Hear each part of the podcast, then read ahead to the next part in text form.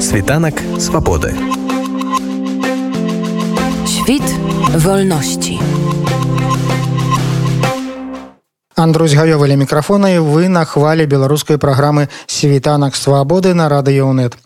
Усё часцей беларусы ва ўкраіне сутыкаюцца з дыскрымінацыяй на падставе свайго грамадзянства. Яна выказваецца перш за ўсё ў немагчымасці легалізавацца ў краіне. Да вайны гэты працэс таксама быў няпростым, а міграцыйнае заканадаўства краіны не дужа сяброўскім нават у параўнанні з суседнімі краінамі Еўросаюзу.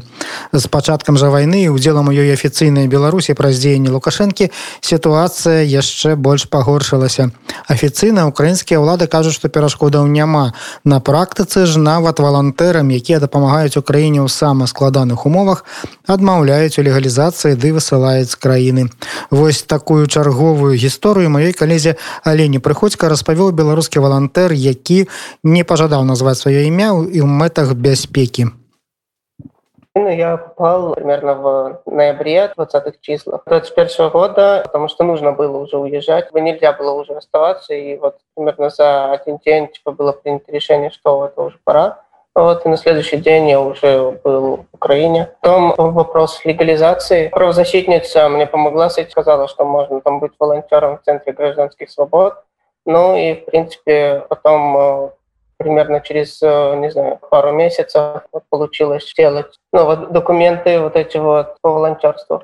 Я записался в электронные очереди, и вот на 28 февраля у меня была запись, что я должен идти в ДМС и вот эти вот документы подавать. 28 февраля, естественно, не настало, и никуда я 28 февраля не пошел. Я пытался, получается, как-то решить этот вопрос, и мне посоветовали, что можно податься на беженство. Я, получается, отправлял там э, электронные письма в ООН, ну, во время войны как-то сложно куда-то выходить из дома, потому что, ну, я один раз наткнулся на тероборону, вот, поэтому это как бы сложно просто выходить из дома и идти куда-то. Поэтому я писал э, электронное письмо, они мне через неделю где-то ответили, и ответили, что можно обратиться в центр право на захист. Я туда позвонил, там ответил какой-то мужчина, вот, но он, он сказал, что, возможно, перезвонит, но он не перезвонил. Потом, когда ДМС открылись, я пошел туда, вот, но мне сказали, что гражданам Беларуси РФ не делают. Но все это время я ездил волонтерить, тоже случайно получилось найти. У нас, получается, был вот этот вот э, волонтерский чат, когда Торвальд закрывался, вот, я спросил, там, типа, можно тоже там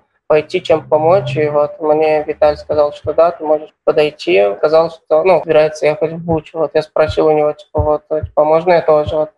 И он мне скинул, получается, ссылку на чат, а потом другая девчонка белоруска тоже помогла мне съездить в первый раз, помогла зарегистрироваться, вот, помогла найти машину, потому что ну, добираться самому вот, до какого-то такого города очень сложно, поэтому типа, в этом чате они просто публикуют там вот, что вот мы собираемся ехать туда-то на машине, вот, и ты пишешь, что ты пишешь тоже, и вы друг друга находите, и вы потом вместе едете. Мы, получается, буквально в каждом сообщении писалось, что гражданам РБ и РФ типа это не пускают. Мы тогда писали админам, спрашивали, можно, они говорят, что ну ладно, типа можно. И мы тогда это спокойно душой регистрировались, только помечали, что мы типа, вот Беларусь. Тогда как бы спокойно ехали. На блокпостах иногда, конечно, возникали проблемы, но все было в порядке, типа нас э, всегда вот это пропускали, потому что, ну, как бы сроки тогда еще не истекли были. И тогда, получается, туда тоже много белорусов ездило. Вот. Возможно, даже кто-то сейчас ездит, но этого я уже не знаю. Мы там ездили Тучек, Гастомель, Макарьев, Бородянку. И в процессе этого еще потом... Потом появилась новость, что все-таки можно. Можно, получается, сделать белорусам ВНЖ, что вот э, не меняется никакая политика. Я, получается, потом пошел, взял документы опять для всего этого сразу же пошел в этот ДМС. Вот. Но в ДМС мне сказали, что, что не, нет, типа, все, все еще не делаем, но типа ждем указаний сверху. Я говорю, ну как, как так, типа, у меня вот могут сроки сейчас закончиться. Они говорят, что типа, нам все равно нужно 15 дней чтобы было. Я спрашиваю, так что делать? Он говорит, ну, выезжать нужно. Ну, продолжал волонтерить, и в какой-то момент э, вот э, у меня сроки закончились, и меня, получается, остановили вместе с волонтерами когда мы возвращались в Киев, и потом повезли в полицию, волонтеры поехали за мной. В полиции сказали, что нужно будет составить вот этот вот протокол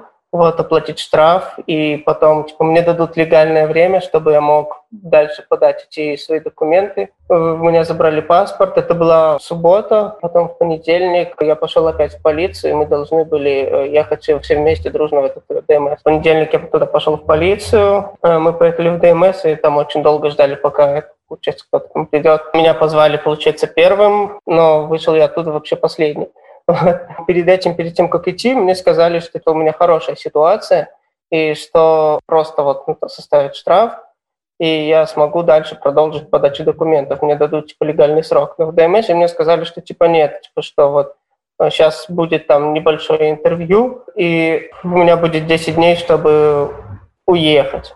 Вот, и все. Я спрашиваю, как же так? Типа говорили же, что дадут легальное время. Нет. Мне показывают бумажки о том, что, ну, типа, вот смотрите, у меня же есть, вот, у меня же вот есть запись в электронной очереди, смотрите, вот. Мне, получается, еще Александра Романцова еще мне написала, ну, как написала, типа, мне дали, получается, этот документ о том, что, ну, типа, да, я действительно состою в этом центре гражданских свобод, и еще, получается, о том, что вот он имеет право защищать иноземцев.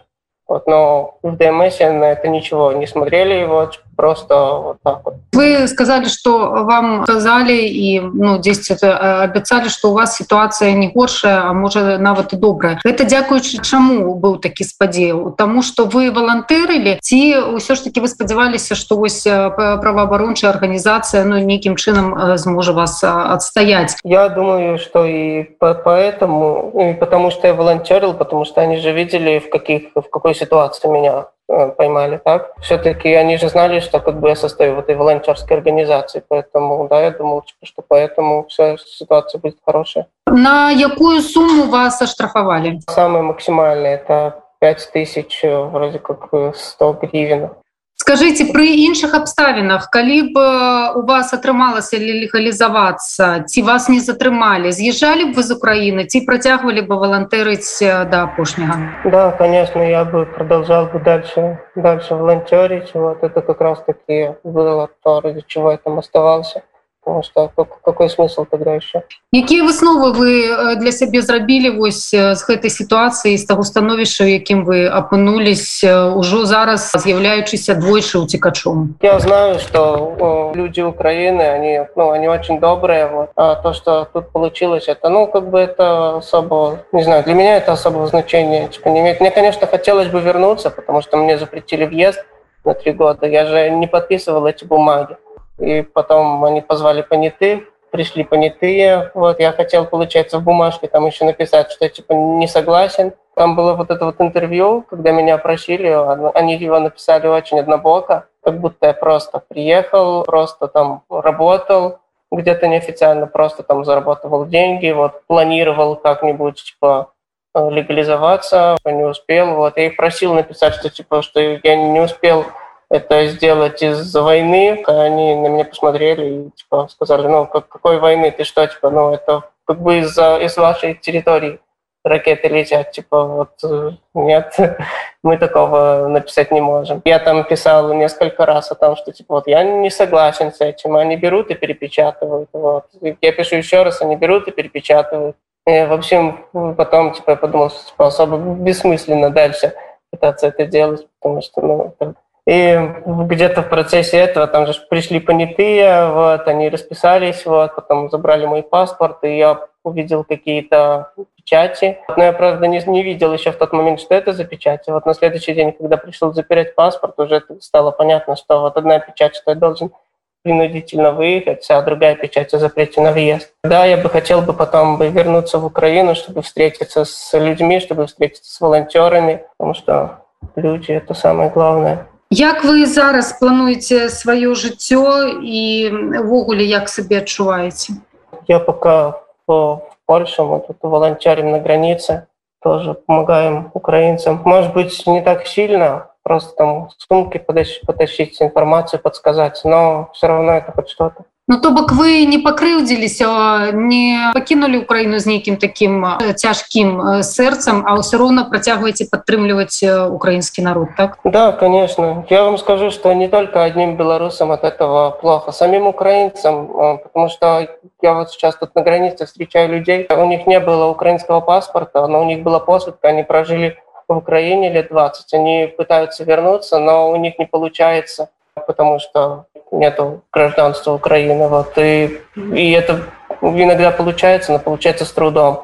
Вот, и все время на нервах таких. Поэтому это не только проблема одних белорусов, это еще и их тоже проблема. Все равно как-то это на душе не очень приятно, что так происходит, и что ты даже особо ничего сделать не можешь. Вот мне вчера, допустим, один друг украинец позвонил, ну, волонтер, скинул мне как раз-таки вот пост о том, что одну девушку хотят э, выселить из Украины, она типа волонтер в Буче. Я ему пишу, что ну вот меня тоже уже это выгнали.